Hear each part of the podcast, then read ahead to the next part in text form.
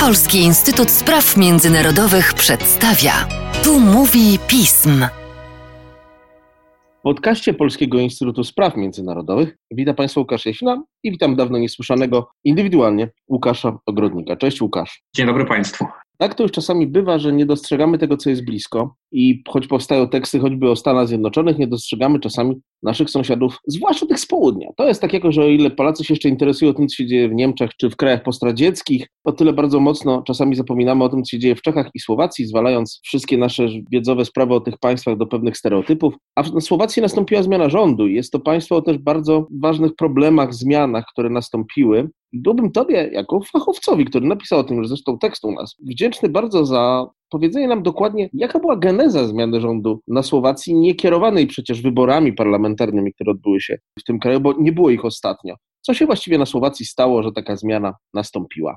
Ostatnio rzeczywiście wyborów parlamentarnych na Słowacji nie było. One odbyły się w ubiegłym roku i one wyłoniły koalicję, która w dalszym ciągu sprawuje władzę czterech partii o różnym profilu, ale powiedzmy, że jest to prawicowa koalicja czteropodmiotowa, która no, wszystko na to wskazuje w ostatnich tygodniach, że potrzebowała resetu i ten oto reset nastąpił. 1 kwietnia został zaprzysiężony nowy rząd na Słowacji, nie Igora Matowicza, który rządził przez ubiegłych 12 miesięcy, ale pod nowym kierownictwem Edwarda Hegera. Także nie w wyniku wyborów parlamentarnych, a w wyniku kryzysu politycznego doszło do tej zmiany. Kryzysu, którego jakby punktem kulminacyjnym było sprowadzenie dawek szczepionek Sputnik V z Rosji. To miało miejsce w marcu i nie tyle nawet ten, to sprowadzenie tych 200 tysięcy dawek szczepionek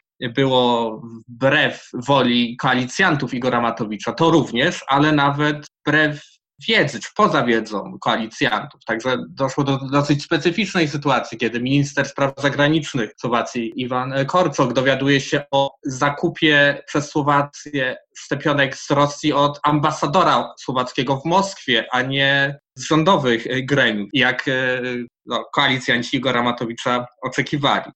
Wiedziałem, że to był punkt kulminacyjny, ponieważ ten konflikt w rządzie, ten spór o, nie toczy się o fundamentalne kwestie programowe pomiędzy koalicjantami, ale jest to spór y, głównie personalny na linii dwóch polityków. Po jednej stronie wspomniany były już premier Matowicz, a po drugiej e, stronie minister gospodarki i wicepremier oraz przewodniczący jednej z koalicyjnych partii, Wolność i Solidarność partii SAS, Richard Sulik. Także animozje pomiędzy tymi panami konfliktogenny sposób e, rządzenia przez Igora Matowicza, no, pewne utarczki słowne, nie będziemy tu na falach podcastu przytaczać może epitetów, którymi ci słowaccy politycy się zaszczycali, ale te utarczki one się nawarstwiły i katalizatorem tego sporu było właśnie e, powitanie e, w blasku reflektorów e, tych 200 tysięcy dawek Sputnika V na lotnisku w Koszycach przez Igora Matowicza.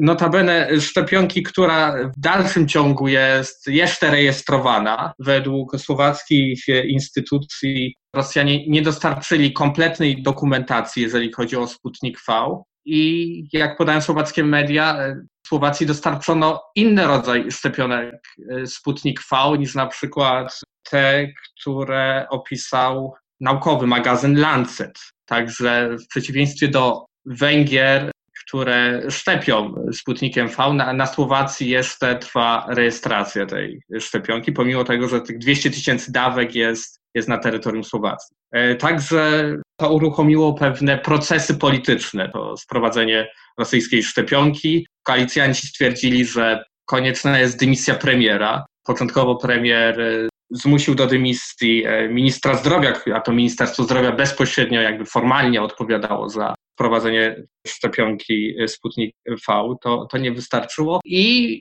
Igor Matowicz rzeczywiście przystał, zgodził się na swoją dymisję, nie bez warunków. Tutaj szereg warunków został spełniony przez koalicjantów, dlatego końcem marca miała miejsce taka fala dymisji na Słowacji w ramach spełniania tych warunków, w ramach rozmów międzykoalicyjnych. Nie wszystkie te warunki zostały spełnione. Na przykład Igor Matowicz chciał okroić liczbę ministerstw, które przysługują wspomnianej partii SAS z trzech do dwóch, argumentując to tym, że to lepiej by odpowiadało wynikowi wyborczemu, które partie uzyskały w ubiegłorocznych wyborach. Koalicjenci odbierali piłeczkę, twierdząc, że no, ale inaczej jest w umowie koalicyjnej, tam minister została doprecyzowana. Koniec końców Igor Matowicz zamienił się z ministrem finansów dotychczasowym, Edwardem Hegerem, stanowiskiem, czyli usuwa się w cień Igor Matowicz. On jest teraz nowy minister finansów, Edward Heger, jego bliski współpracownik i wcześniejszy wicepremier zostaje premierem e, Słowacji. Doszło też do, do drobnej korekty, jeżeli chodzi o, o skład rządu. Nowym ministrem zdrowia został Władimir Lęgwarski, to jest generał brygady, ale takie może mamy czasy, że w czasie pandemii to generałowie zostają ministrami zdrowia. Chociaż nie bez doświadczenia na polu zdrowotnym to były dyrektor szpitala w Różomberoku, także to z tych, z tych zmian. To znaczy można powiedzieć, patrząc na ten skład nowego rządu, że to jest nowy, stary gabinet. Większość ministrów została. Pomimo tych dymisji, to ci ministrowie, którzy podali się do dymisji z różnych partii, wszystkich partii koalicyjnych, oni powrócili na swoje stanowiska. No, w zasadzie poza premierem, który usunął się w cień, tak jak wspomniałem, teraz jest ministrem finansów, więc on zostaje, Igor Matowicz zostaje w rządzie słowackim, Edward Heger jest nowym premierem. Zbliżając się do podsumowania, ostatnie dwie minuty naszego podcastu i tak chodzi po głowie pytanie, mówisz o starym, nowym rządzie. Na ile jest to autentyczna, duża zmiana w słowackiej polityce, a na ile taki polityczny szachermacher? Jest to z pewnością roszada. Natomiast to pytanie też, ten spór personalny on ustanie, ponieważ mamy w dalszym ciągu Igora Matowicza wchodzącego w skład słowackiego rządu oraz Richarda Sulika, jego politycznego oponenta. No, nadzieję na koncyliacyjny styl sprawowania władzy daje Edward Heger, nowy premier, który bez kontrowersji został zaakceptowany przez wszystkich partnerów koalicyjnych. No, osoba, która ma spore doświadczenie w sektorze prywatnym, to były minister finansów, ale zanim, czyli przed 2016 roku wszedł w skład parlamentu Słowacji, to był menadżerem w różnych firmach, w firmie między innymi amerykańskiej firmie, która dostarczała systemy wojskowe i wtedy współpracował z Ministerstwem Obrony Słowacji. To osoba, która odpowiadała też ramach jednej ze słowackich firm za eksport e, słowackiej wódki. Myślę, że e, podcast e, pismu nie jest miejscem, żeby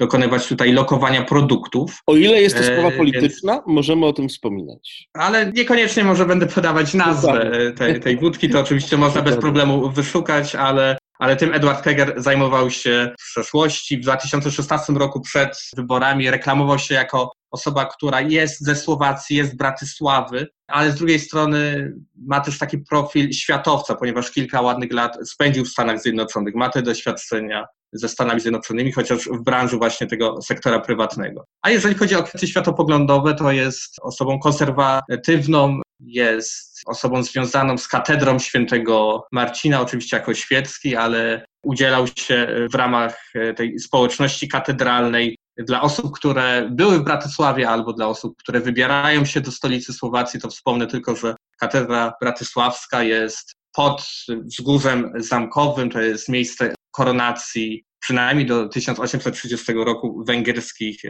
królów, o czym zresztą przypomina zwieńczenie tej katedry. Na, na wieży katedralnej jest złota korona. Także no, ciekawa osoba i, i na pewno będzie warto się przyglądać poczynaniom nowego słowackiego premiera i nowego słowackiego rządu. To prawda i będziemy robili to wspólnie z Tobą. Polecam Państwu również tekst Łukasza o tej sprawie na stronie pism. A Tobie, Łukaszu, bardzo dziękuję. Dziękuję.